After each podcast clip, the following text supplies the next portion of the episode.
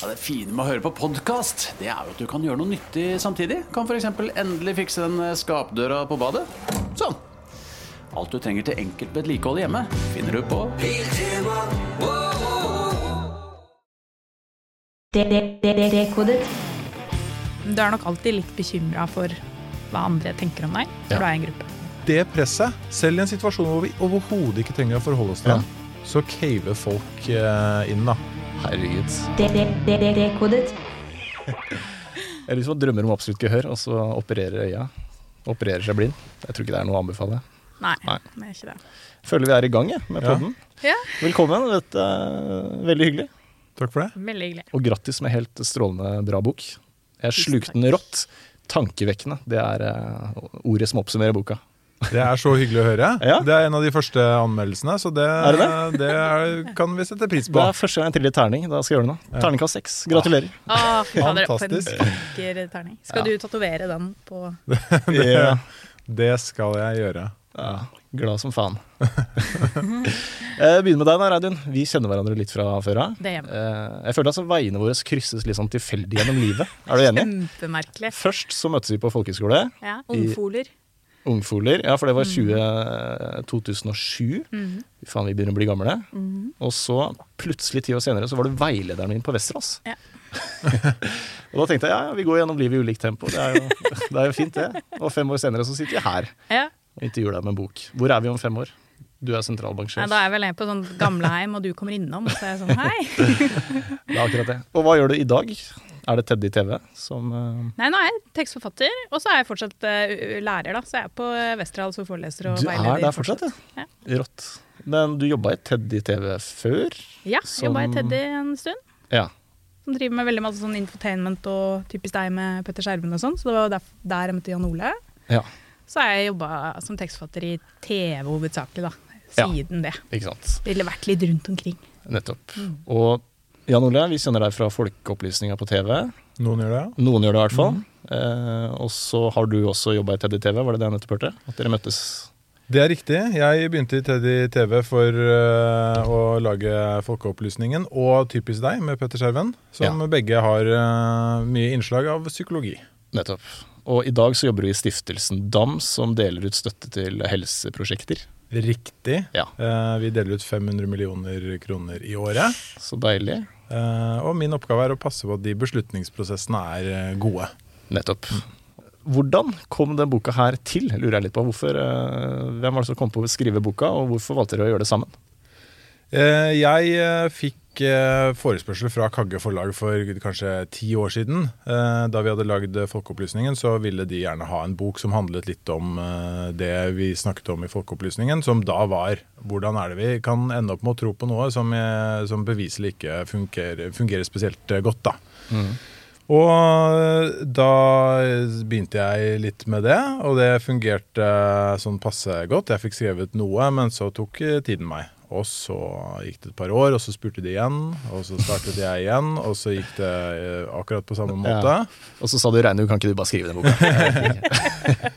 uh, nei, og så skjedde det at de spurte kom det, kom det en redaktør der og spurte en gang til, og da var jeg klok av skade og sa at jeg har, jeg har stoffet, jeg har materialet til denne boken. Uh, men jeg kommer ikke til å klare å gjøre den jobben alene. Og da spurte de har du noen du kan foreslå å skrive med. Så sa jeg jeg vil skrive med Reidun, som jeg har eh, jobbet med. Så det var veldig hyggelig. Så koselig. Men har du noe erfaring med beslutningspsykologi? Eller er det bare det at du er, har en veldig skarp penn? Nei, altså, jeg um, hater beslutninger. Ok, du har er beslutningsvegring. Så når Jan Ole sa var jeg var sånn, snakka om ei bok eller noe, så sa jeg ja, kjempeinteressant, så gøy. Veldig morsomt å jobbe med Jan Ole. Så sa han tema, så var jeg sånn åh, å nei. Det har jeg unngått så masse jeg kan her nå hele livet. Ja. Men eh, jeg tenkte jo kanskje det egentlig var et godt utgangspunkt. da. Sånn, Ja. hvorfor er jeg så sint på det temaet? ja. Var det jeg tenkte. Så For det var litt interessant. Det sto i innledningen at Jan Ole er god på de gode beslutningene. Så sto det at Reidun har erfaring med de dårlige. Da ble jeg sånn nysgjerrig. Hva var det? Hvilke dårlige beslutninger har du tatt? Altså, hverdagen min er jo krydra med Ja. litt sånn halvræva beslutninger. Ja. Det føler jeg. Um, så Så er jeg jo litt eh, Tenkte på det på veien hit. Sånn, hvilke hvilken beslutning er det referert til der, da? Um, jeg tror det er mest det at jeg egentlig veldig sjelden tar en beslutning. Ja. Jeg lar liksom bare livet skje, ja. og så velger jeg aldri egentlig hva jeg skal. Nei. Eh, sånn at det er veldig ofte jeg heller istedenfor å velge mellom A og B, så gjør jeg bare A og B samtidig. da. Ja. Så hvis jeg får to jobbtilbud, så bare Jeg- sier bare ja til begge. Ja. Og så gjør vi det litt sam samtidig. Og det har jo ikke gått sånn kjempebra visse ganger. Og jeg har vel heller Jeg føler ikke sjøl at jeg har sagt ja til å skrive en bok her. Å nei! Sånn, Den beslutningen har jeg også. Sitter fortsatt og tenker på Ja. Det, det. Du Liksom. tok aldri den. Jeg tok aldri den. Så, men nå har du gjort det, i hvert fall. Men jeg har gjort det. Ja. Så jeg burde jo kanskje velge å gjøre det snart. Um, ok, og så Jan Ole, du sier at du er god på de gode beslutningene. Er det gjennomgangsmelodien mellom livet, at alt bare har klaffa? Altså, jeg, jeg, hadde, jeg hadde ikke kommet på å skrive det helt selv. Altså, jeg, det er nok uh, Reidun som foreslo det, og så altså, jeg motvillig sa ja til det. Men ehm, eh, nei, jeg er nok uh, jeg er litt den, jeg er den analytiske typen. Det er det ingen tvil om, og det kommer fram uh, i boka også. Ja. Eh, på godt og vondt, vil jeg si, da. ja.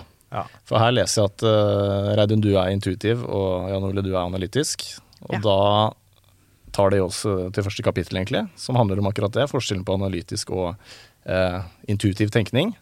Det er jo den der Daniel Kahneman-boka som alle maser om at jeg bare må lese, som jeg har begynt på tre ganger, men aldri klart å fullføre. Ja, samme her. Ikke sant? Ja. Uh, men Det slipper man hvis man leser den ja, boka. for det var det jeg følte. For jeg tror jeg har essensen nå. du har det. At det er to systemer, da. Eller to måter å tenke på. Intuitivt og analytisk. Og alle tenker på, på begge måter, men noen i større grad enn andre, da. Eh, ja, hva skiller de to måtene? Nei, den, eh, den ene måten er eh, rask og, øhm, og krever ikke noe særlig innsats av oss. Det skjer gjerne ubevisst og refleksivt. Eh, hvis jeg stiller deg spørsmålet eh, om du kan svare på hva én pluss én er, så er ja? Kjempebra. Takk, takk, takk. Kjempebra. Du visste det. Du svarte Fy veldig fort. Ja, takk. Det var en liten analyse. Den var ikke, var ikke lang.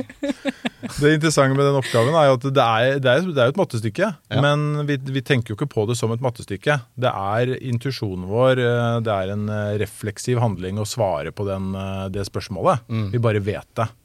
Eh, forhåpentligvis, da. Eh, men hvis jeg spør deg hva 23 ganger 18 er, Ja, ikke sant? Så, blir det verre.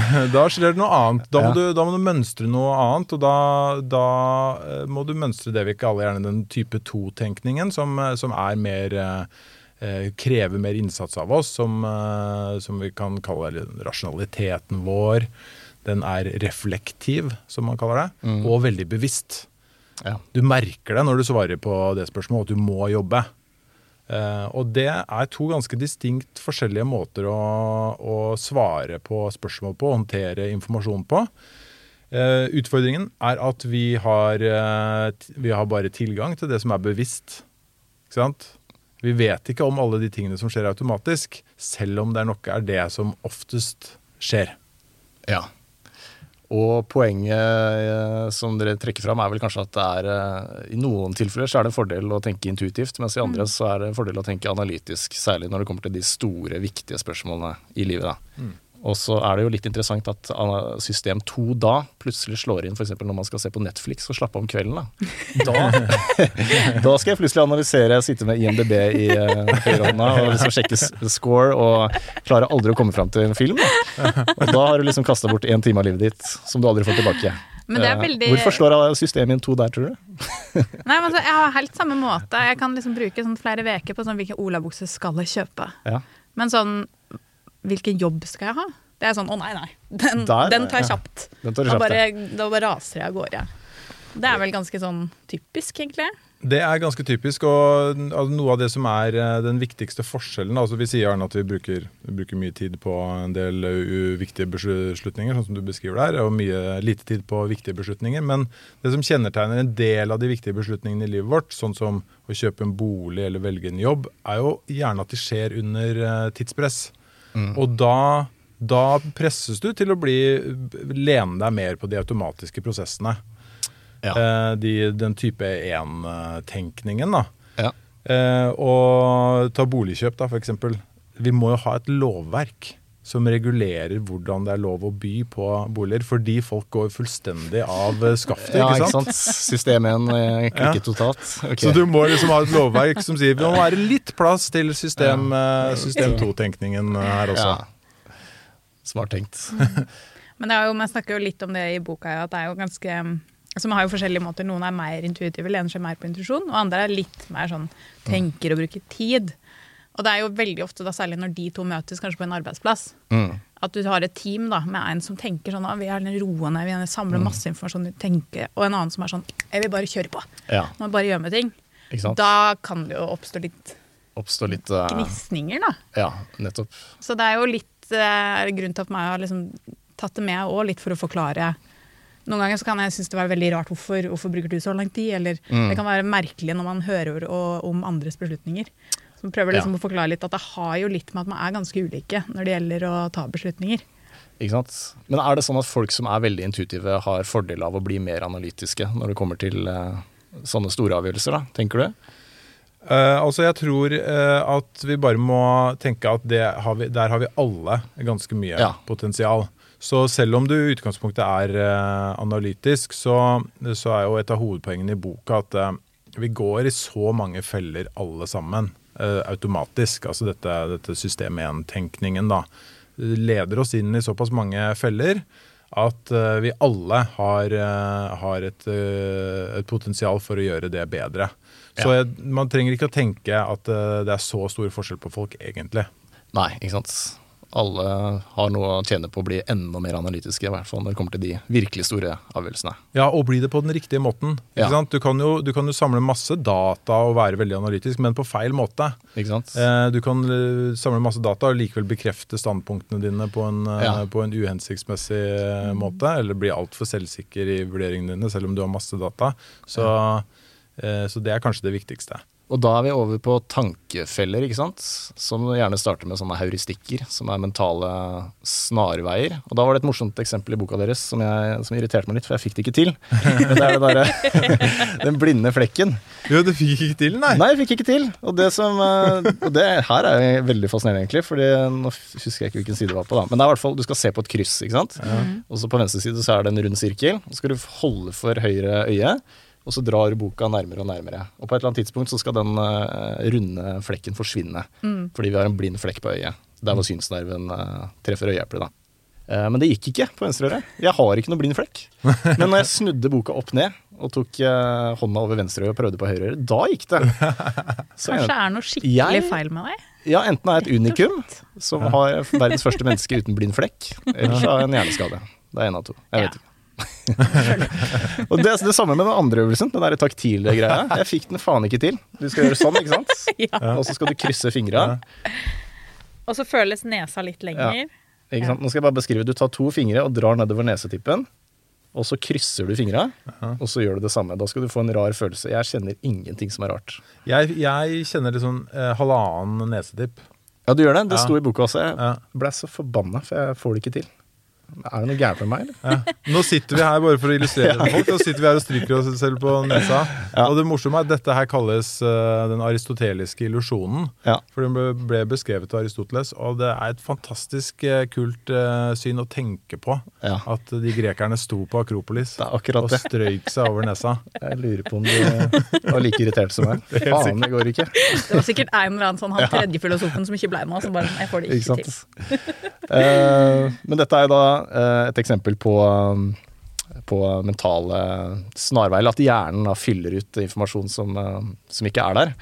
Eh, og det kan igjen føre til eh, såkalte tankefeller. Da. På hvilken måte?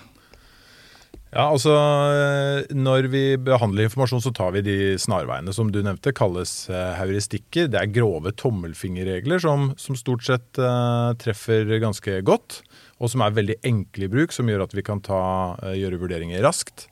Men eh, som også fører til, at, eh, fører til en del systematiske skjevheter i måten vi vurderer informasjon på.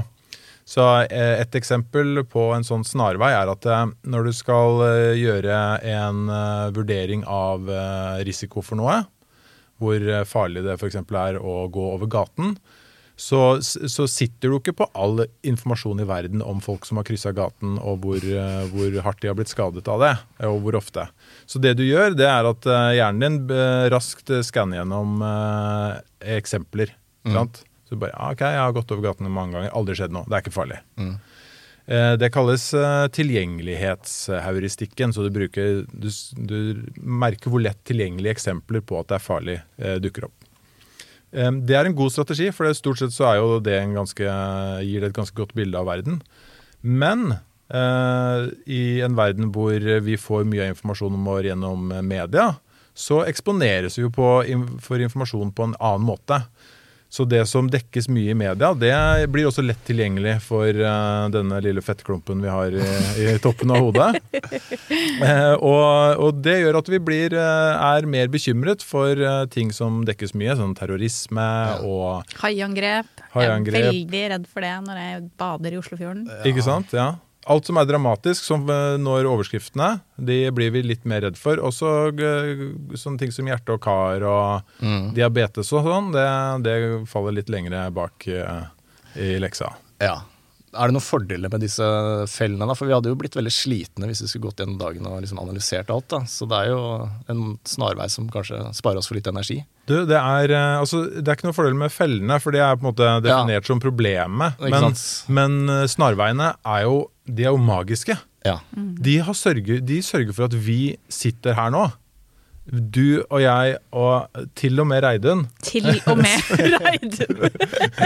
vi er, vi er jo altså, Det er en ubrutt rekke av forfedre og mødre Ja. eh, bak oss Det det. som har klart å overleve lenge nok til å få barn. Ja. Og av disse snarveiene. Så de er jo helt fantastiske. Ja, og de er jo ganske mjuke. Altså Hvis jeg skulle gjetta for millioner av år siden, så jeg hadde sett noen ulike raser, og så hadde jeg tenkt sånn Hvilke dominerer kloden? Så hadde det vært sånn sabeltigeren. Ja, ikke sant? Mm. Men er var ganske mjuke, men har veldig lite å stille opp med. Så de snarveiene er jo egentlig grunnen til at meg Det er hjernen som er vårt våpen, altså. Ja, ja. Ikke sant? Det er liten uh, tvil om det, og det er uh, så, så vi må ikke tenke at uh, man skal få has på disse snarveiene. Nei. Eh, stort sett så fungerer de helt fantastisk bra. Ja. Men noen ganger så tar vi jo beslutninger som betyr virkelig mye, og da må vi tenke oss om. Ikke sant. Og da kan de snarveiene bli til eh, problemer. Og så har dere ramsa opp åtte Det var mulig det var flere også, men eh, åtte feller. Skal vi bare ta sats og gå gjennom de, eller? Ja. ja det yes. er med. Selv, uh, selvsikkerhetsfellen har jeg skrevet opp. Det at man eh, har en overdreven tro på egen evne til å vurdere noe presist, eller sånt. Ja, det er ganske gøy, for folk er overkonfidente. Og det, det er masse gøy forskning som viser det. Min favoritt er at eh, For det første så finner man ut at eh, folk stort sett tror de er bedre sjåfører enn andre. Men så har man også sett på folk som er på sykehuset fordi de sjøl har krasja og skada seg. Og sjøl de er sikre på at fortsatt er de ganske mye bedre sjåfører enn resten. Ja. Du ligger der med to brette bein og bare sånn Jeg er ganske god. Faktisk. Er En del bedre. Dårlig selvinnsikt-felle. Ja. Så man har jo eh, litt, mer, litt grunn til å tvile på oss sjøl, da. Det har vi. Og, så, så poenget er at det ikke er, det er ikke nødvendigvis noen sammenheng mellom hvor sikker en person føler seg, eh, i hvor, man, hvor, hvor sikker man er på at man har rett i noe, og eh, hvor ofte man treffer. Så jeg gjennomførte en, eh, en eh, quiz eh, på nettsiden min hvor eh, jeg ba folk eh, anslå forskjellige eh, intervaller av tall. Da. Så f.eks. hvor mange mennesker bor det i Oslo. Og så skulle folk oppgi et intervall der de trodde det var 90 sikkert at det riktige svaret lå. Så hvis du, hvis du tror det er 90 sikkert at eh, det er mellom 600 og 800 000 mennesker i Oslo, så svarer du det. Og det interessante med en sånn quiz er at da kan du jo, når du stiller mange nok spørsmål Jeg, fikk, jeg tror jeg har 20 000 svar jeg nå. eh, så kan du jo sjekke da, hvor ofte er det folk har rett når de sier at de er 90% sikre. ja. Eh, og svaret på det spørsmålet det er at de har rett i 37 Oi, av det er lavt. og 90 da er jo ganske bastant. Det er liksom. Det er nærme 100, altså. Ja. Det er det, og det, sånne type undersøkelser har det blitt gjennomført eh, mange av, og der kommer vi også eh, ganske dårlig ut. Og Det viser seg bl.a. advokater som, eh, som eh, takker nei til et forlikstilbud, får eh, en studie viste at i 85% av tilfellene får mindre i rettssaken som følger. Ja. Eh, og det, så det er, en, det er kanskje Daniel Kahneman, som du nevnte i stad, sier at det er uh, den tankefellen han ville helst ha fjernet hvis han, uh, hvis han hadde hatt muligheten til å fjerne ja, én. riktig. Det er derfor også du skal være veldig skeptisk til han fyren på jobb som kommer inn og sier sånn Jeg er 90% sikker på at det her kommer til å funke som bare det. Ja. Da skal du være litt sånn Å ja, du er det, ja. Ja, ikke sant? Eller meg sjøl, for jeg sier det ofte sjøl. Jeg er 90 ja. Eller 110 har jeg også sagt. Men er det noen ulike er, Gjelder dette alle? Er vi så dårlige på det alle sammen? Eller er det noen ulike typer personligheter som Det var, mer i jo, den type fella her, kanskje? det var jo en gruppe av disse advokatene fra det studiet som også var for usikre. Ja. Og det er jo ikke Ja. nødvendigvis bra det heller, at man er så usikker at man eh, undervurderer Eh, da, da bommer man jo Mm, også. ja, ja. Og det er jo sikkert mange som kan kjenne seg igjen at man blir så usikker at det tar helt over. Dårlig selvtillitsfelle? Ja, absolutt. Så det, det, det er kanskje det første folk sier når man hører de resultatene. at, Men jeg er jo ofte usikker. Så det er helt åpenbart. Mange er usikre også. Men, men eh, problemet med den, eh, den fellen der er jo at normalt sett så får vi jo ikke svaret. Ikke sant? Vi får aldri vite det. Så, du, så det kan godt være de gangene du har gått med ganske god selvtillit og følt at du har vært ganske sikker, at du, at du faktisk har vært, eh, vært litt på jordet, da. Så det er lurt å minne seg på at det er en potensiell fare når man skal ta viktige beslutninger. Kan man kalibrere det her på noen måte og bli bedre på det? Du, det, det, det kan man nok til en viss grad. Så det finnes faktisk eh, et nettsted hvor man kan ta sånne tester og bare øve seg på. Og, og kalibrere seg på, på sånne type intervaller. Da, bare for å, for å teste seg selv og se hvor listen egentlig ligger. Ja. Da har du tid til overs. Da har du tid til overs. Uh, Skal du ikke la skal bare kalibrere litt? Hvis Du, du bare får fortsette litt, Ja. for du spurte om det var forskjell på, på personer. Og det, det, det varierer nok med liksom personlighetstype, helt klart. Men, men uh, også litt med kjønn. Da. Det, er jo, det er jo kanskje ikke en stor overraskelse at, at mm. uh, menn kanskje eh, oftere faller i den selvsikkerhetsfellen enn det Ja. kvinner gjør. Og ligger Nei, på sykehuset med nei. brukket bein og sier Ja, nei, har jeg aldri erfart. Nei, ikke sant. Jøss, er det forskjell der, altså? Nei, ja. har ikke jeg hørt om heller. Planleggingsfella, den pleier jeg å tråkke i. Den der, Hvis jeg blir bedt i et middagsselskap som starter klokka seks, og så vet jeg at kjøreturen tar en halvtime, så tenker jeg at jeg rekker det hvis jeg går i dusjen fem på seks. Da, jeg, da kan jeg gjerne kjøpe med noe på veien også. Så den kjenner jeg godt til. Og det er en sånn felle man ikke lærer av. Etter 33 år så er jeg fortsatt Jeg tråkker i den, altså. Ja. Hva er greia? uh, greia, det hovedgreia er altså uh, Du kan trekke fram nok en studie bare for å eksemplifisere det. Det var en kjent studie hvor man spurte studenter som skulle levere en oppgave. Hvor lang tid er det du kommer til å bruke på å levere denne oppgaven? Eh, nå husker jeg ikke tallene akkurat, men, eh, men eh, i snitt så svarte de rundt eh, 30 dager i den studien. Og så fikk de også spørsmål om ja, hva hvis alt går helt til helvete? Og det, alt går så ille som det kan gå. Hvor lang tid bruker du da? Og da tror jeg de svarte rundt 45 dager. Eh, og så målte de forskerne da hvor lang tid det faktisk tok før de fikk levert, og gjennomsnittet var over 50 dager. da. Ja. så i snitt så gikk de over det som var verstefallsscenarioet. ja, ikke sant. Det gjelder òg hvis du skriver bok. Da Det det også. tar vi bare et halvt år det, Jan Ole. Et par år seinere. Men du har jo aldri sagt ja til det her, så det er jo Nei, jeg har ikke sagt ja engang. Så jeg har egentlig brukt veldig kort tid. Ja. Men uh, hva kan man gjøre da med planleggingsfella?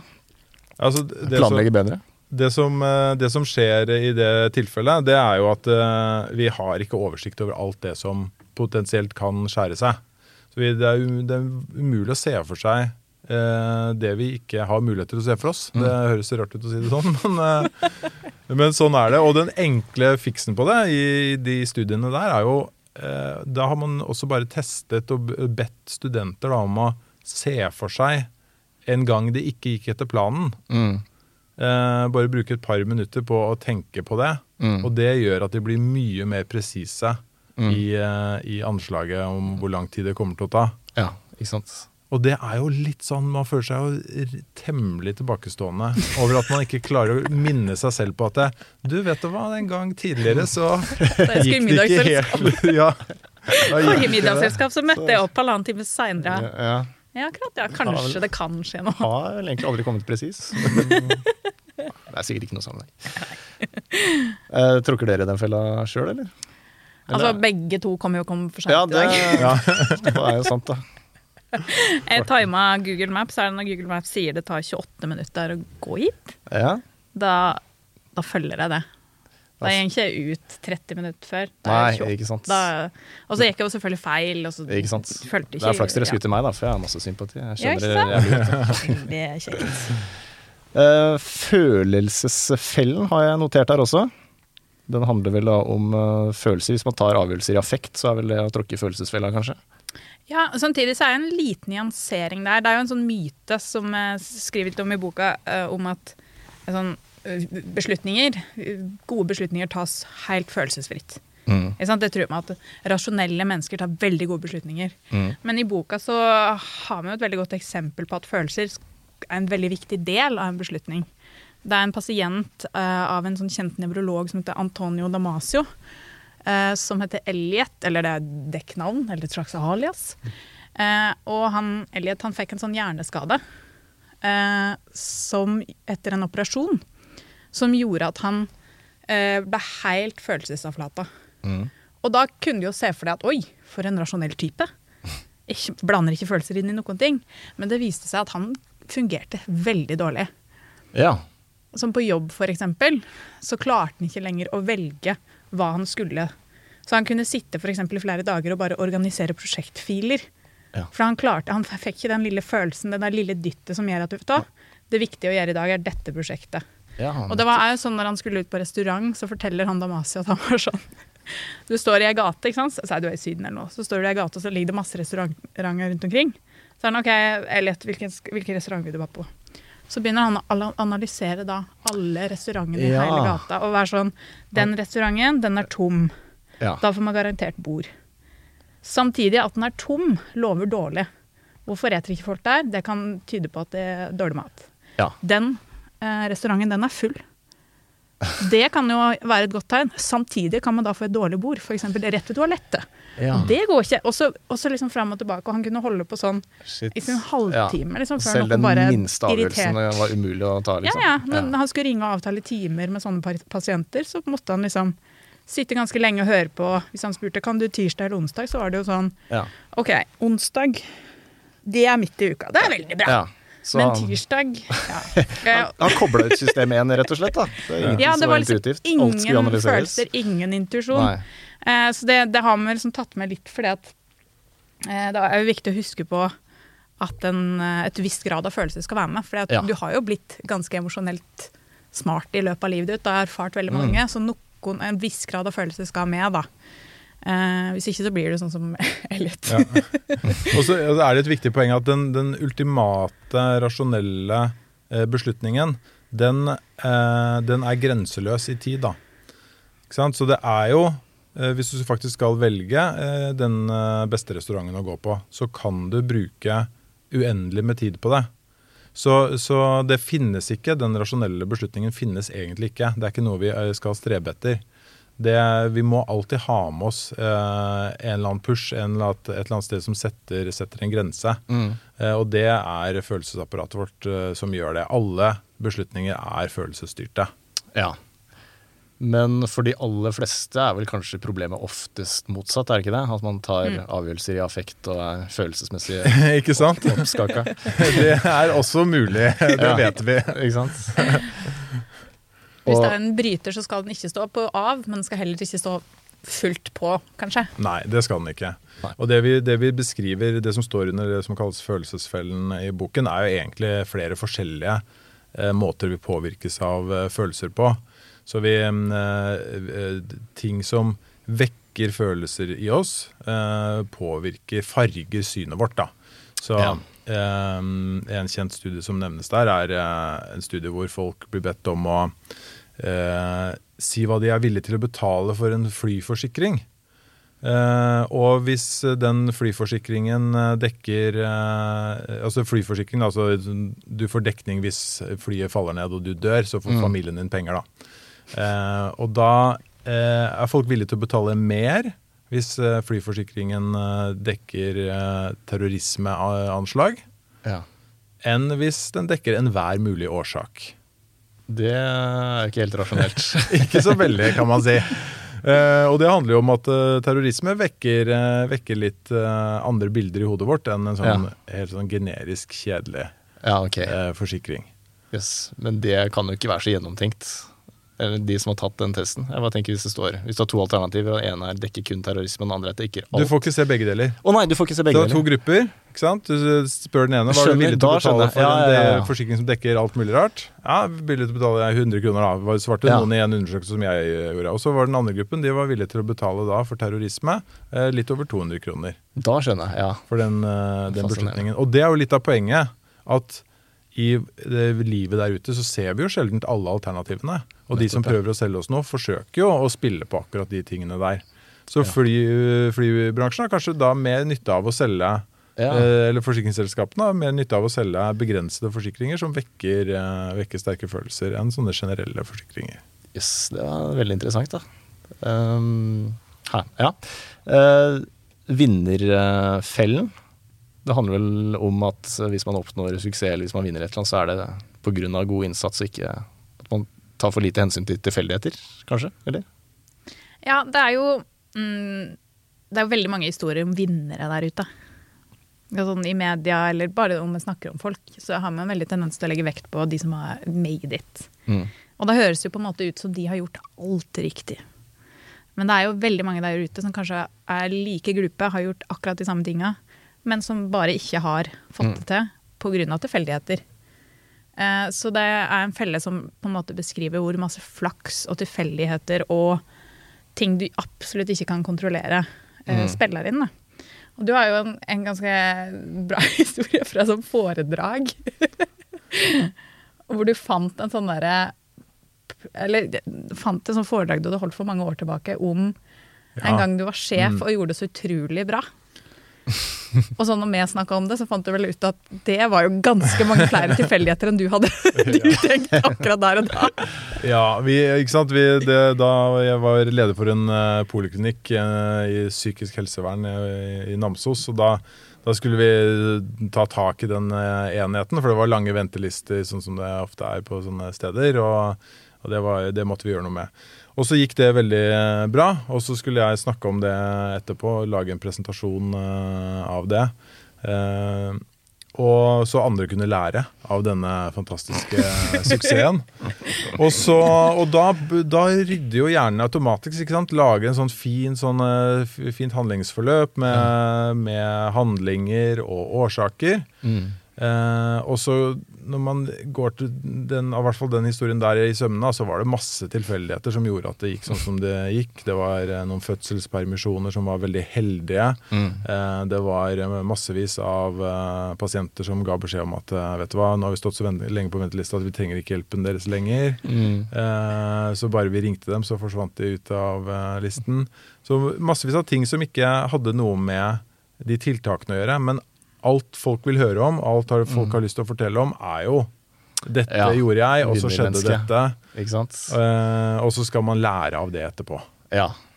Så det at det var mye tilfeldigheter, det fant du ut i analysen etterpå. Men når du sto der, så var det liksom Jan Ole Hesselberg eh, Ja, min uh, vei til suksess. Stjel geniplanen. Og så var det vel for en gangs skyld i helsevesenet veldig god bemanning, var det ikke det? Det var det også, ja. Så det er jo Ja, veldig ja, fint hvis en fyr som driver en poliklinikk med veldig lav bemanning, hadde tatt samme planen. Ja.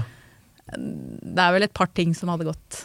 Det hadde ikke gått til helt på samme måten. Eh, men, altså, så man kan le av den historien, og det, det skal vi gjøre. Men, men vi dyrker jo Vi, vi, vi glemmer ikke sant, at en brøk Ja. trenger både teller og nevner. Ikke sant? Du kan ikke bare velge de som har klart seg. Du må ha med alle de som gjorde det samme, eh, og hva som skjedde med dem. Og eh, man sier gjerne ikke om folk som klarer seg bra, at det å ta sjanser, ikke sant. At du liksom eh, satser. Ikke sant? Ikke ha noen plan B, bare følg planen. Ja, bare investere alt og jobbe knallhardt for den ene Ja, ja. tingen og satse skikkelig hardt. Det er noe som kjennetegner vinnere.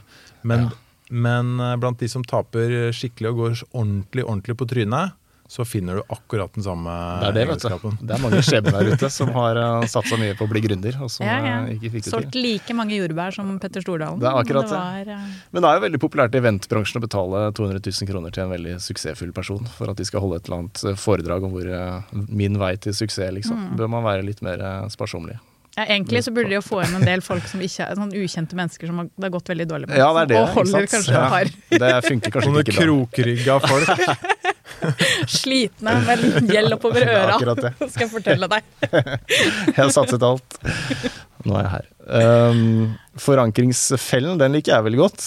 Men Det minner meg litt om det der, um, altså forventningsavklaring. Jeg er blitt veldig bevisst på det. At liksom, hvordan vi opplever en situasjon, det er jo helt avhengig av hvilke forventninger vi har i forkant. Altså Utgangspunktet det har alt å si. da. Mm. Og Det er vel litt med forankringsfellen òg, at man, uh, hvis man har Altså vurderingene, de uh, farges av utgangspunktet vårt. da. Ja, den, den, Forankringsfellen er jo kanskje det som er det mest fascinerende, fordi den er så spektakulær, syns jeg. da. Så mm, den handler om at eh, når vi skal ta, gjøre vurderinger under, sånn, under usikkerhet, hvor vi ikke helt vet eh, hva eh, svaret er, så griper vi gjerne fatt i et utgangspunkt som påvirker eh, utfallet veldig. Så eh, et veldig kjent eksempel er eh, eh, en studie der man spør eh, folk eh, hvor gammel Mahatma Gandhi ble. Uh, og hvis man har sett bilder av han, så er han litt sånn som uh, han, han som spilte Carlsson var. Eh, Sånn, sånn, vet, ikke, vet ikke helt hvor gammel han er. Kan være, være han er 20, 15. Kan være at han ble 140 år nesten. Eh, så det er, ikke, det er ikke sånn helt klart uh, Han ble mer enn 15. da. Uavklart Ja. alder. Ja, men det er, når du ser på bilder av Gandhi, så er det uklart hvor gammel den Ja. eh, personen er og ble. da. Eh, og i den studien så spør man da halvparten av deltakerne først ble Gandhi over eller under ni år. Mm. Eh, et absurd spørsmål som alle klarer å svare rett på. Mhm. Og den andre gruppen spør man ble Gandhi over eller under 140 år. To veldig forskjellige eh, spørsmål, begge like latterlige begge to. Men de viser seg å påvirke hva du svarer på hvor gammel Gandhi ble. Så jeg gjorde dette med alle landets dommere. Og da svarte den gruppen som eh, fikk eh, spørsmål om han ble over eller under ni år, de svarte at han ble 69 år i snitt. Eh, mens den andre gruppen svarte at han ble 81 år i snitt. Ja. Og det er, eh, det er en kjempeforskjell. Det er, det det er fascinerende, forankringsfellen. Og den, ja. Den påvirker også sikkert en del budrunder der ute, vil jeg tro. Ikke Sånn, det første budet kan jo få veldig masse å si ja. for åssen det går videre. Så kliner til med 200 over takst, så da da setter du liksom eh, baselinen der, da. det derre strekeksempelet i boka di, bare på nå, er det også forankringsfellen? Eh, der du hadde en sånn referansestrek. Så var det tre, så skulle man Ja. gjette på hvilken av strekene som var like lang som gruppe, Kanskje jeg hopper litt, jeg nå. Gruppefellen. Ja, det er sånn evalueringsengselse. Det, det, det var det, ja. Nettopp. Da kommer vi dit etterpå. Eh, ut, Behold det her. Behold det. Siste felle, som jeg har skrevet opp, i hvert fall. Utfallsfellen. Hva er det? Det er at vi legger veldig vekt på åssen beslutningen gjeng. Og lar dem påvirke eh, åssen vi ser beslutningen, og hva vi tenker om kvaliteten på en beslutning. Så hvis du eksempel eh, eh, lar eh, rookien på fotballaget ta det avgjørende straffesparket, refererer til en kamp for ikke så lenge tida, eh, og så treffer han, så var det en nydelig beslutning. Ja, Men han kunne jo like så godt ha bomma, og basert på statistikk så var det kanskje ikke en så god beslutning. ikke sant? Så det at det gikk bra, betyr ikke i seg selv at beslutningen var god. Ja, og resultatet er jo ikke, det er jo ikke irrelevant i det hele tatt, og det er jo Nei. ofte det vi bryr oss mest om. Men at man kanskje gir det litt for stor plass. Ja. Er du enig, Hesselberg? Ja, altså Det handler om to ting. Det ene er at utfallet påvirker hvordan vi vurderer kvaliteten på beslutningen. Men også at eh, utfallet eh, påvirker hva vi mener om sannsynligheten for at det måtte ende sånn. Eh, så det er to litt, eh, litt forskjellige ting. Så hvis, eh, hvis du kjøper en aksje og så går den skikkelig bra, så tenker du yes, det betyr at det var en god beslutning. Mm. Men du vet ikke egentlig det, fordi det, du, det må du gjøre mange ganger før du egentlig vet om, om den beslutningen var bra. Den kunne ha gått annerledes. Ja. Ehm, jeg stilte de norske dommerne spørsmål om det. Jeg beskrev en dame som bygget en bod. Og så for halvparten av dommerne så viste det seg at eh, den boden var bygd på en for liten tomt, så hun måtte rive eh, boden. Og for den andre gruppen så viste det seg at eh, den tomten var stor nok, så hun trengte ikke å rive den. Og så spurte jeg da var beslutningen om å bygge god, basert på bare det hun visste på byggetidspunktet. ja. Eh, og da påvirket utfallet, altså om det måtte rives eller ikke, i veldig stor grad om de mente at beslutningen var god. Selv om de eksplisitt ble bedt om å se fullstendig bort fra hva som skjedde Ja. etter at hun hadde bestemt seg. Yes. Eh, og det er, det, er, det er relevant for dommere, for de skal noen ganger gjøre den vurderingen. Så hvis en lege f.eks. gjør en, eh, en feil i en behandling, så skal de eh, i noen tilfeller se bort fra hvordan det går med pasienten etterpå. De skal vurdere beslutningen som legen tok Mm. i beslutningsøyeblikket. Men det er lite som tyder på at vi klarer det. At vi klarer å ignorere informasjonen som vi eh, besitter. Det er det. Det er derfor jeg kalte den boka her 'Tankevekkende' i stad. For det er sånn jeg blir veldig påfallende hvor lett påvirkelige vesener vi er. Enten det er liksom forankringsfellen eller utfallsfellen, så blir vi så lett påvirka. Det er en liten sånn sjokkopplevelse å lese den. Og så kan du jo tenke på det når du tenker tilbake på beslutninger du har tatt som gikk veldig dårlig. Mm. Så har man kanskje en tendens til å kritisere seg sjøl veldig. Mm. Men kanskje like så godt kunne ha gått bra.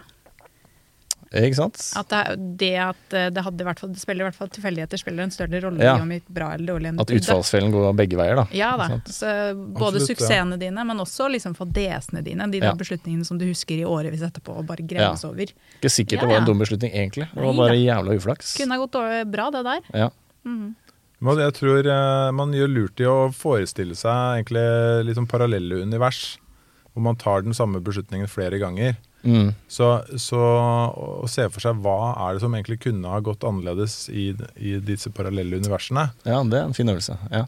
Og, og livet er litt som et sånn flipperspill. da. Det er ikke, du har ikke helt kontroll på hvor den kula eh, ender. Det er mange faktorer i spillet her som, som du ikke nødvendigvis trenger å straffe deg for, og som du, som du eh, må skjønne at man må leve med. da.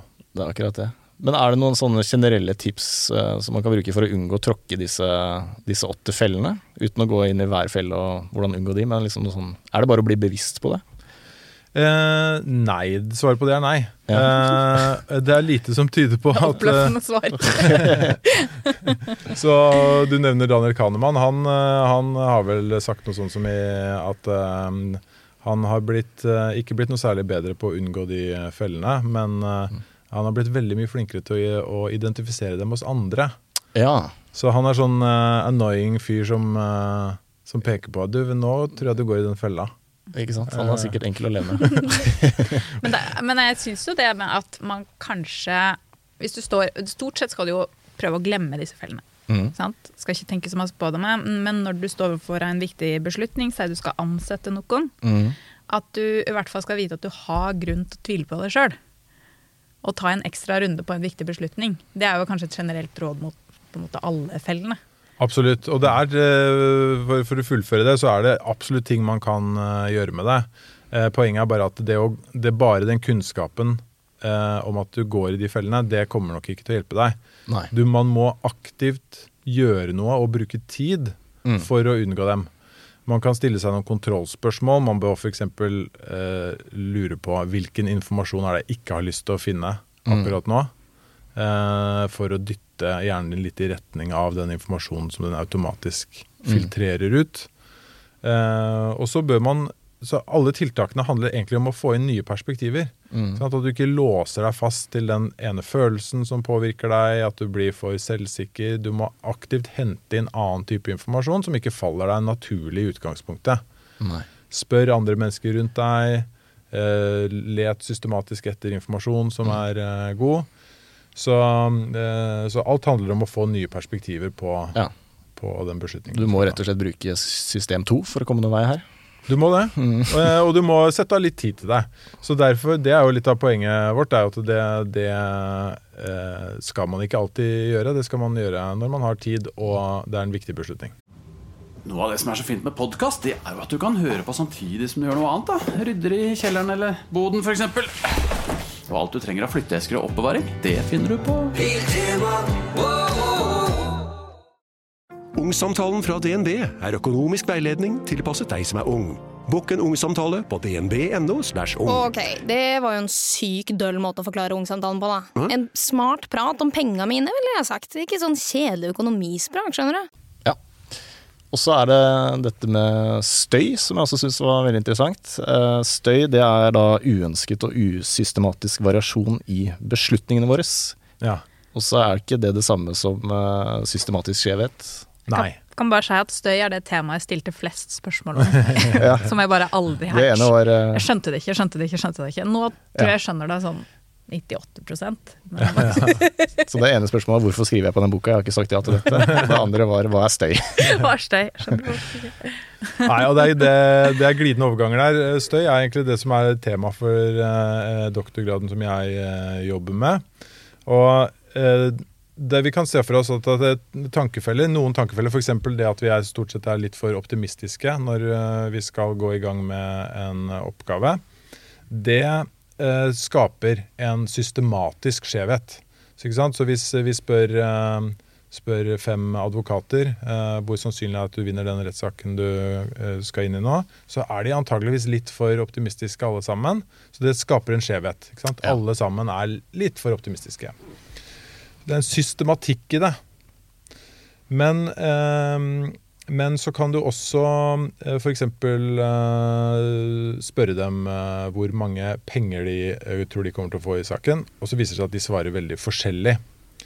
De spriker i alle retninger i den summen. da. Alle er optimistiske, men de, de spriker i alle retninger. Eh, så noen kjempehøyt, noen moderat høyt. Den, den variasjonen dem imellom da, det er det vi kaller støy. Det er ikke noe systematikk i det, men de, de lander ikke på samme konklusjon, og det er et problem. Fordi hvis du som eh, du skal bestille en advokat som skal hjelpe deg, så er jo du snakker med han ene, sier han du får 300 000. Hun eh, tredje andre sier eh, du får 500 000.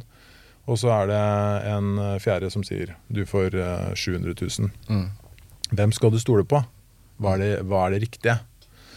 Eh, og det, det er vil, Det er lett å snakke om tankefellene, fordi det er sånn, de forteller gode historier. ikke sant? Du er for optimistisk. Du er optimismefellen.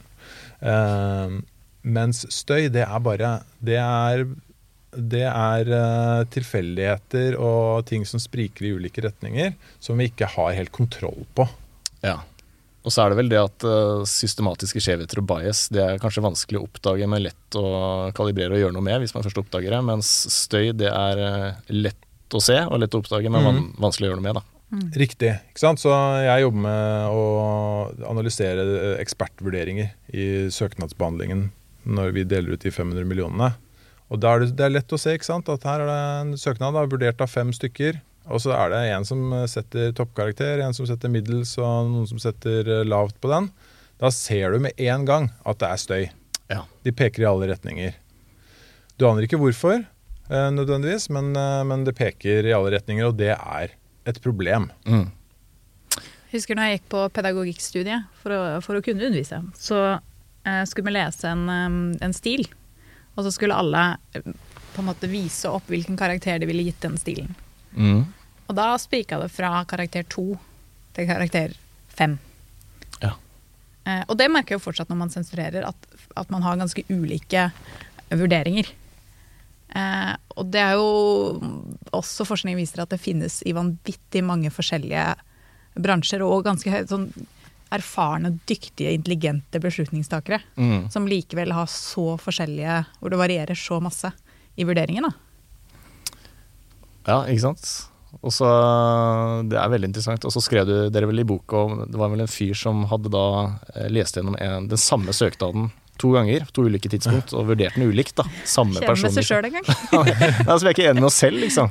Nei. Hvor skal man begynne da, liksom? Ja, Så det, Man snakker gjerne om litt ulike typer eh, støy. da, og det, det ene er, det du beskriver der, er jo at det er, der har du jo støy innad eh, i den personen. Eh, Da er det noe med tidspunktet og kanskje de andre søknadene som den personen har lest i mellomtiden, som gjør at eh, den samme søknaden blir vurdert mm. uh, ulikt. Så tid på dagen, hvilken rekkefølge man bør vurdere søknaden i, hvilke preferanser man har, eh, hva annet som har skjedd eh, rundt deg.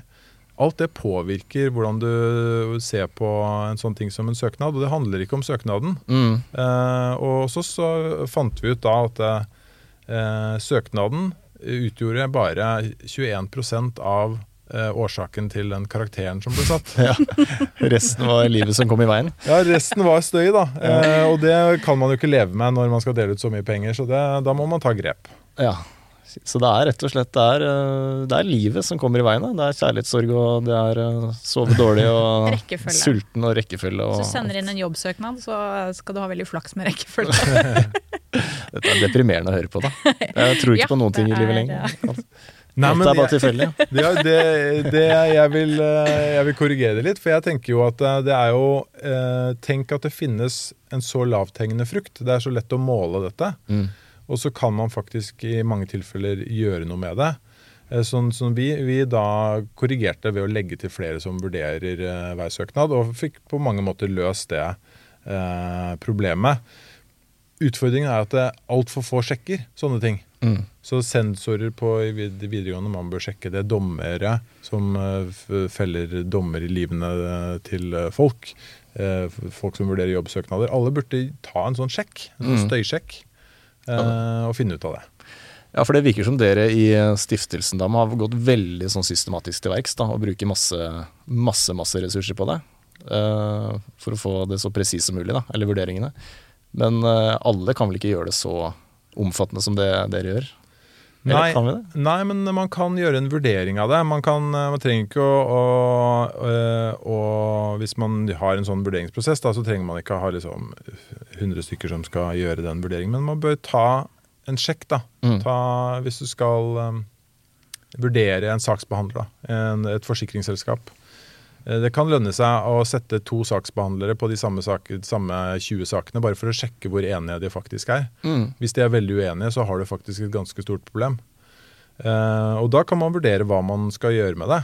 Så enten så kan man si vi skal leve med det, at Mm. det er eh, masse tilfeldigheter. Eh, og hvis man lander på at man ikke skal gjøre det, så kan man jo gjøre noe med det, eller kutte prosessen helt, eller bytte ut med noen algoritmer, eller Det er også en løsning, annet. ikke sant. Ja, Det er jo bedre å gjøre litt enn absolutt ingenting. det er åpenbart. Du kan jo spare en del penger på det. Ja. Og i Stiftelsen DAM så har dere fem personer som vurderer hver eneste søknad, er det ikke det? Eh, for, forskningssøknadene våre, så er Ja. det det. Men, så det, det, det vi gjorde, var at vi lagde en prosess der hvor vi hadde veldig korte søknader først. Sånne skisser. Du bare beskriver veldig enkelt hva du skal gjøre for noe. Og så øh, sender vi noen videre til en grundigere vurdering. Så vi bruker mindre penger på vurderingene nå enn vi gjorde før. Men Mm. i stedet for to som vurderer søknaden, så har vi da fem. Ja. Fascinerende. Og det koster mindre, sa du. Faktisk gjør det det. Mm. Rått. Hadde vært enda billigere å bruke algoritmer, var det ikke det du nevnte? Ja, algoritmer er jo stort sett bedre, er det ikke det? Det er, eh, det er helt gratis å bruke det, men eh, i hvert fall eh, kunne det vært det hos oss. Men de, må jo, de må jo treffe, de også. De skal, Målet er jo ikke bare at man skal ha eh, støyfrie vurderinger, du skal også ha treffsikre vurderinger. Det er to Ja. forskjellige ting. da. Ja, er ikke algoritmene så gode på treffsikkerhet? De er gode på å eliminere støy. De er, en algoritme har ikke kjærlighetssorg, liksom. Men eh, Ikke ennå, i hvert fall. Men det er i hvert fall mer fair da, hvis du eksempel hadde innført istedenfor jobbsø eh, for jobbsøknaden, hvis du også hadde innført en eh, evnetest Ja. som er helt lik for absolutt alle, så får du en ganske klar score. Og da kan du i hvert fall Ok, veldig mange som får inn jobbsøknader, får jo inn altfor mange, og det er jo et Mm. stort problem. Ok, men hvis du har emnetester, så kan du i hvert fall få et visst toppsjikte Ja. som er litt mer um, objektivt. Ja, absolutt. Det, det er et eksempel på et eh, vesentlig mer objektivt mål enn en person som sitter og, og kjenner på hva man, eh, hva man føler på når det Ja, ja. overfor deg. Er ikke sånne evnetester blitt ganske vanlig? Eh, Hvis man skal prøve å kapre en toppjobb, så må du gjennom noe ikke, Nei, ikke hvis du er på topp-toppjobb. ikke topp-topp. Nei, det er kanskje Semitoppjobb. Det er mellomlederen som må ta ikke-testen, men mellomlederen lederen kommer rett inn. Skjønner. Det er utrolig mange smarte mellomledere. De er, de er lynende intelligente. Eh, beslutninger i uh, grupper Syns også var veldig, veldig interessant uh, kapittel. Um, hvor skal jeg begynne der, da? Enighet i en gruppe, uh, det er ikke nødvendigvis et kvalitetstegn. Nei. hva, hva, det, hva er jeg skrevet opp her, da? Enighet i en gruppe. Jeg har tydeligvis akutt dysleksi, jeg vet ikke hva jeg har skrevet. men uh, eh, hva, hva er det jeg prøver å si her, Jan Ole? Det, det jeg tror du prøver å si, er at eh, eh, enighet eh, er ikke et tegn på at man, eh, at man eh, gjør en bedre vurdering. Nettopp. Det var dit jeg skulle. Så eh, en ting vi ser når vi har eksperter som sitter og diskuterer søknader, det er det som alltid skjer, er at de blir mer enige enn de var før de kom inn i rommet. Nettopp. Vi måler hvor, hvilke karakterer de setter før de setter seg ned og diskuterer, og hva som skjer med dem etterpå. Og de blir alltid mer enige. Ja. Eh, og eh, det nok mange, mange tenker, er at den enigheten den representerer at vi kommer nærmere en god beslutning. Mm. Så ja, ja, vi aksepterer at vi går i noen vurderingsfeil, og at det er støy involvert i beslutningene våre, men det er ikke så nøye, fordi vi møtes jo i grupper og diskuterer ting, og da luker vi ut mange av de fellene. Men så er det jo gjort studier da, hvor man har gitt eh, ulike eksperter eh, de samme oppgavene, og så delt dem inn i forskjellige grupper. Mm. Og det som skjer da, det er at enigheten mellom de gruppene, den stiger ikke etter at man har diskutert. Det er ikke sånn at de kommer nærmere den Å, nei. samme konklusjonen. Nei. Så innad i gruppa blir man mer enig, men mellom gruppene så blir man mer uenig. Riktig. Og det betyr bare én ting. Det betyr at eh, den enigheten kan ikke bety at de blir mer nøyaktige. For de lander jo på forskjellige konklusjoner. Ja. Som de er veldig enige om innad i gruppene. Ja, ja, jeg er veldig enige om. Alle er på laget der. Så, så deprimerende nok, da, så, så er i mange tilfeller så er forsterker gruppediskusjoner de feilene vi gjør individuelt. Handler det, det at vi er sånne enighetssøkende vesener, er det, er det fordi vi er konfliktsky? At vi vil ha god stemning i gruppa, liksom?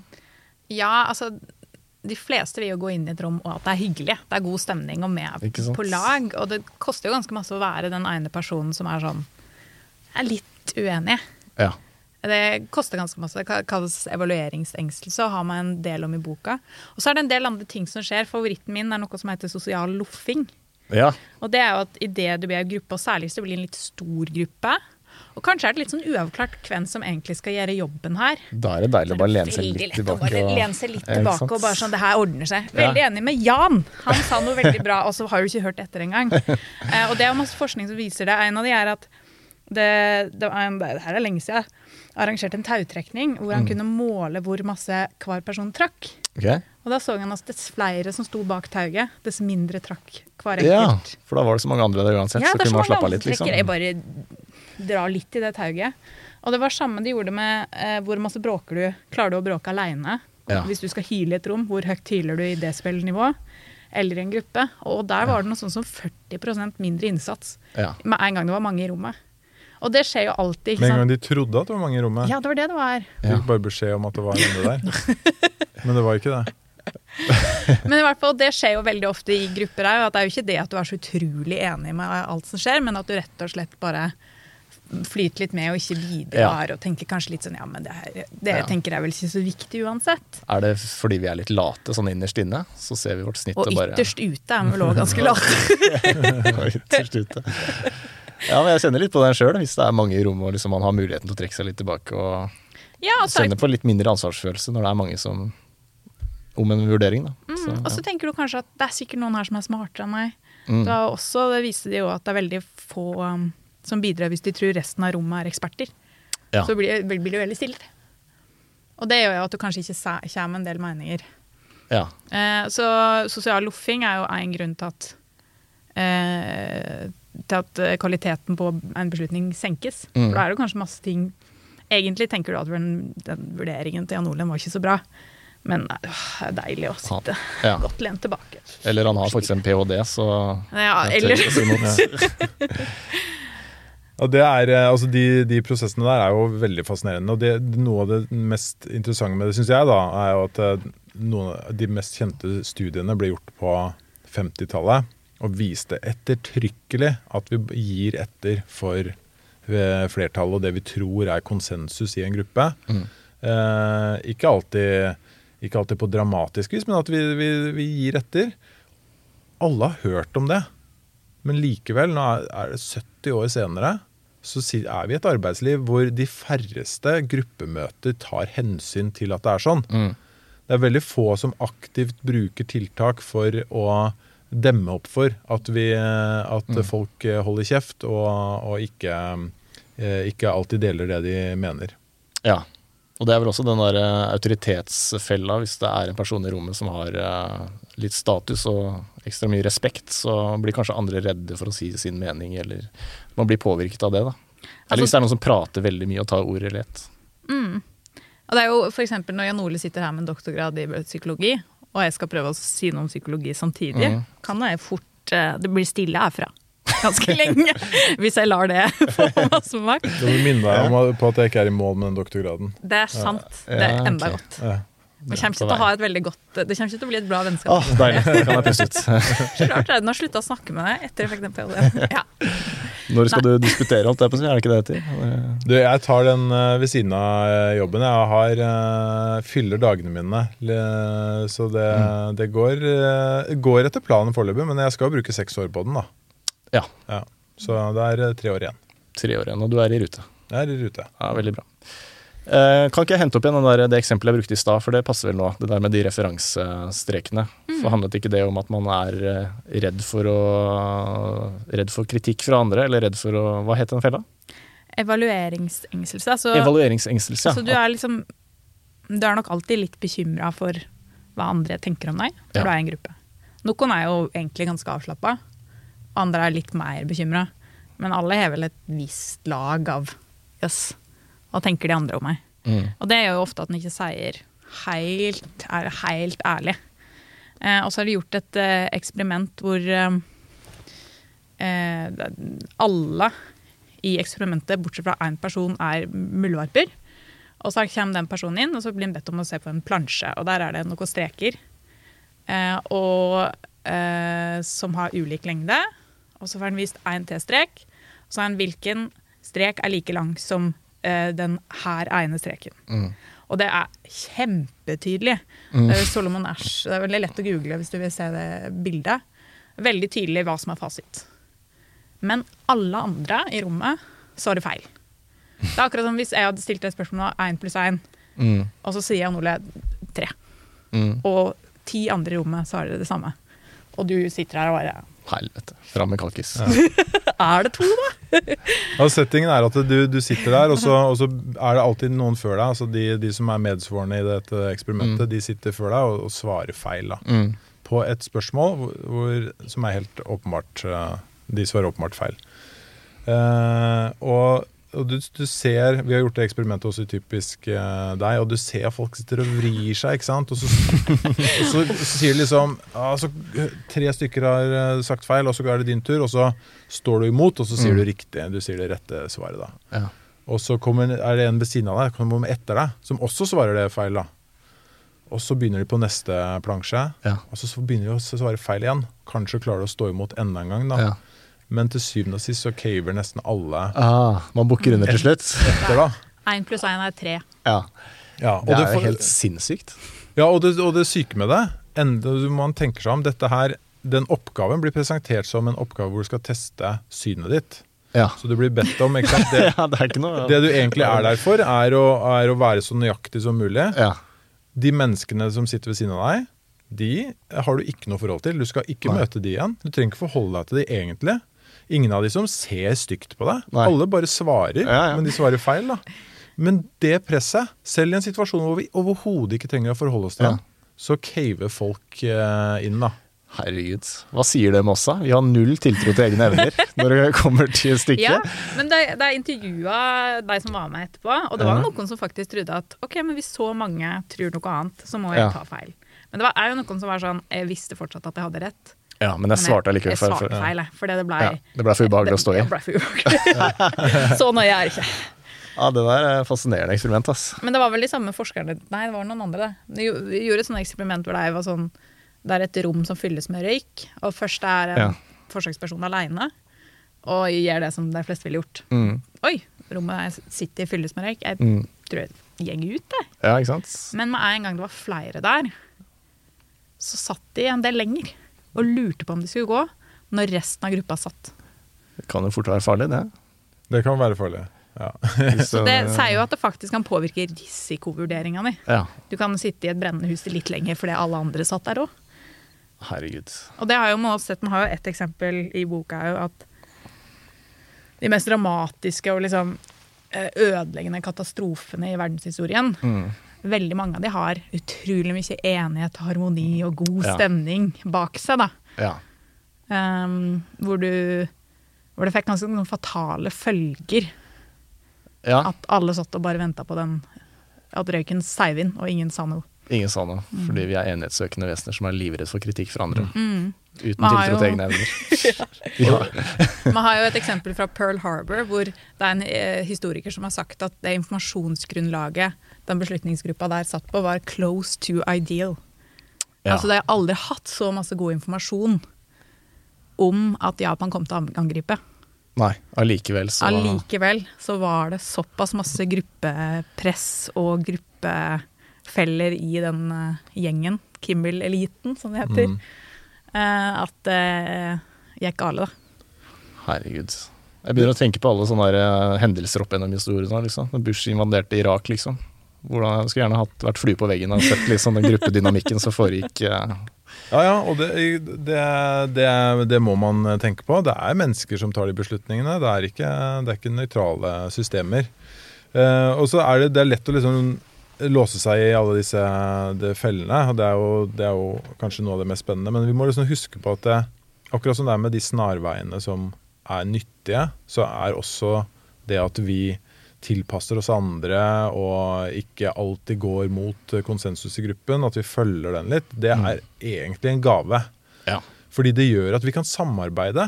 Mm. Og er det noe som antageligvis skiller oss mest fra andre dyr, så er det jo det at vi evner å samarbeide på helt eksepsjonelle måter på tvers over hele verden mot et felles mål i store grupper som kan koordinere oss fordi vi, vi tilpasser oss andre og vi ikke liksom hele tiden er i konflikt. Mm. Eh, det er en utrolig god egenskap. Så hvis man har lyst til å utfordre denne konsensusen, Mm. så, så må man regne med at det blir litt dårligere stemning.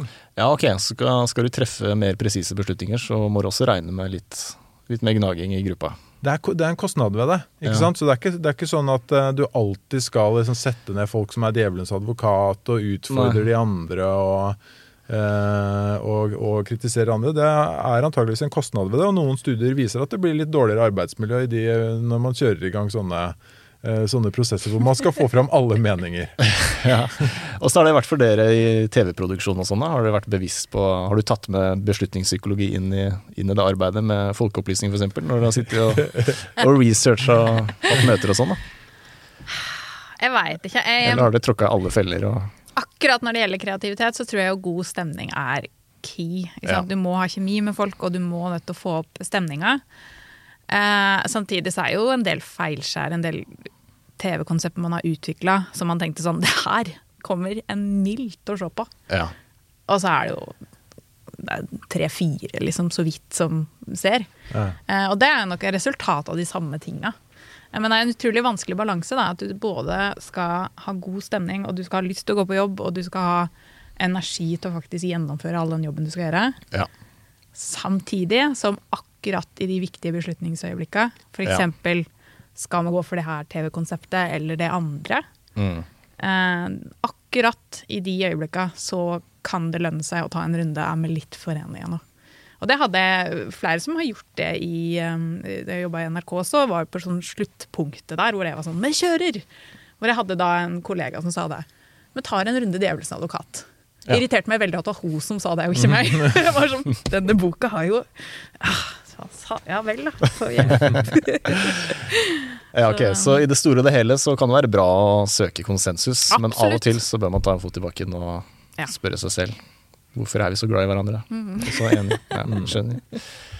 Um, er det noen um, tips da til slutt hvordan man kan liksom um, unngå disse gruppefellene.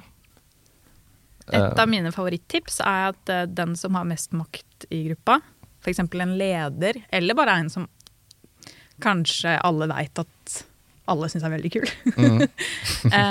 prøve å prate sist. Ja. At alle i gruppa skal si noe og veit det i forkant av møtet. Mm. Da unngår du en del sosial luffing. Og i tillegg så, så unngår du det at møtet bare handler om egentlig å bekrefte det en person i gruppa allerede har tenkt. ja. Um, det er kanskje mitt favoritttips. Det er veldig eh, bra. Det, altså, det, det å gi noen ansvaret for en, en sak som egentlig alle bør involvere seg i, er dårlig deal. Ikke sant? Det inviterer til, til sosial loffing. Hvis mm. Det er sånn, Vi skal ta en kjempeviktig beslutning alle sammen, men uh, Peder, kan du ta ansvaret for å sette deg inn i saken? Det er, det er dårlig å Ja. presentere saken. Så det er en dårlig deal. Også så en annen ting som eh, vi også har gjort til standard i den stiftelsen jeg jobber, da, det er at man samler inn vurderingene til folk før man møtes. Så du, du forplikter alle til å gjøre en vurdering av en sak ja. før man setter seg ned. Ikke sant? Så blir det ikke påvirka av møtedynamikken. Ja, Så da vet du eh, litt om spredningen i, eh, i vurderingene. Egentlig støyen da, får du litt oversikt over.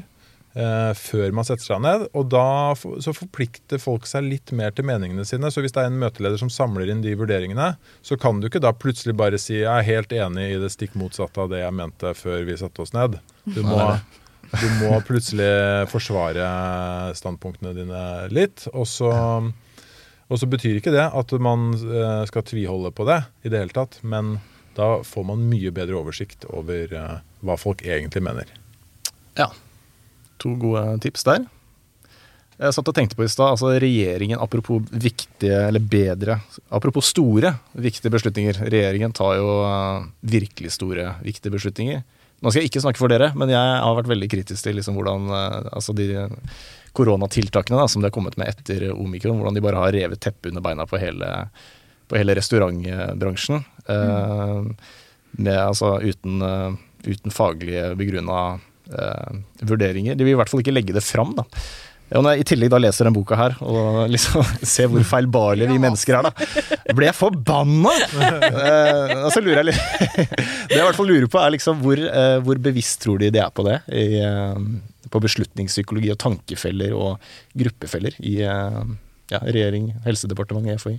Ja, det, nå, det kjenner jeg ikke Jeg kjenner ikke de beslutningsprosessene godt nok. Men eh, inntrykket av det som har kommet fram, er at det, det er en ganske ryddig prosess, hvor man mm. tross alt innhenter informasjon fra ulike, ulike steder. Og for, hvis man skal si litt om Folkehelseinstituttet, som er kanskje det jeg vet eh, mest om, så er jo forskning er jo Hele poenget med forskning er jo å demme opp for sånne tankefeller. At man systematisk går til verks, forsøker å blinde med forskerne, så de ikke vet hva de egentlig eh, analyserer eh, alltid, så de ikke skal påvirke seg egne holdninger, og man får folk til å kritisere forskningen og sånn.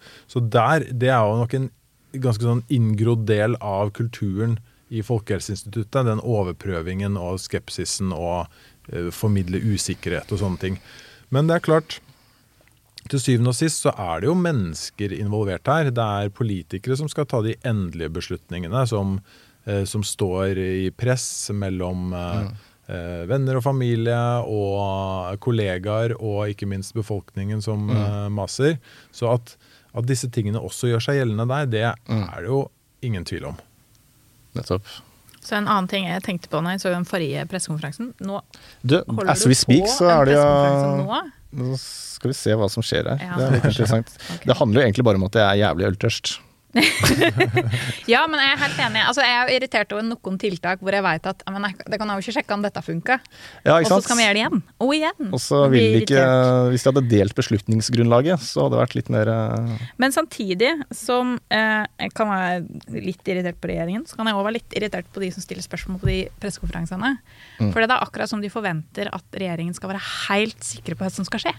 Ja. At det er sånn, ja, Forrige gang så sa dere om det her, og nå sier dere om det her. Og så stender jo de her oppe eksperter og sier ja, det er jo, det er jo veldig masse vi ikke kan vite. Ja. Det er masse usikkerhet, det er masse man ikke kan vite om dette viruset. Så må jo òg på en måte gi de en viss Ja. slack på at det, er veldig mange ting av den utviklingen her som Mm. det er umulig å forutsi. Ja, absolutt. Altså er det én ting som er sikkert, så er det at det er en gjeng med kloke hoder og gode intensjoner som gjør så godt de kan. Mm. Det er ikke alltid det er bra nok. Nei, men Det er et viktig poeng. ikke sant? Og De, de står, eh, står i en situasjon hvor usikkerheten er enorm. Eh, og vi har jo ikke god informasjon om alle de tiltakene og eh, virkningen av dem. Eh, det var, senest i dag så var det et innlegg med Krono om det, eh, fra en direktør i Folkehelseinstituttet. Så, så eh, det å skaffe seg god informasjon, det, og legge til rette for at vi kan, kan få god informasjon om sånne tiltak, det tror jeg blir viktig fremover. Jeg er veldig glad for at jeg ikke slipper, at jeg slipper å At det ikke er Reidun som skal gjøre det. Å, herregud, at det ikke er i det rommet med sånn Ja, skal vi si nå, da? Du begynner om fem minutter. Ikke sant? Jonas? Jeg så i hvert fall at de skal bruke fem milliarder på hurtigtester eller noe sånt. Så det blir i hvert fall nok eh, Ja. til å teste oss framover, i hvert fall. Er det en god beslutning å liksom uh, lande her? Ja, Er det ikke det? Jeg syns det. Er veldig, jeg syns dette var en hyggelig prat. Føler vi har vært absolutt. gjennom Kan jeg si en siste ting? Yes. I tilfelle man nå følte at det var veldig mange problem og sånn, Ja. at å herregud, nå er det masse nytt som jeg må ta stilling til. Men jeg kommer med veldig mange tiltak i denne boka for å eh, ta bedre beslutninger. Det gjør dere absolutt. Ja, så Og jeg, mot slutten her så har vi til meg en sånn sjupunktsliste over en Ja. måte du bare kan følge. Sånn at det skal bli rydda litt opp i. ikke sant? Så likte jeg godt at dere hadde dere oppsummerte hvert kapittel med hovedbudskap, og så en side hvor dere komprimerer det viktigste. Altså, det er Så det er veldig sånn ryddig. Veldig fin struktur. Du, hvis du, du kan komme unna med å lese sju, eh, sju av de oppsummeringene. Oppsummering av hvert kapittel, da er du ferdig. Da er du faktisk fått med deg essensen. Terningkast seks fra meg. Bedre beslutninger. Jan Ole Hesselberg, Reidun Lungvik Reinholt. Grattis med helt kongebok, og takk for praten. Tusen takk. Denne podkasten er produsert av Tid og list!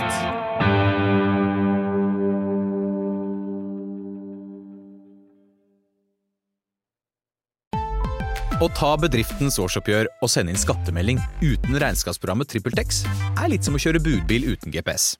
Du får nok levert, til slutt, men ikke uten å rote rundt og bruke masse tid.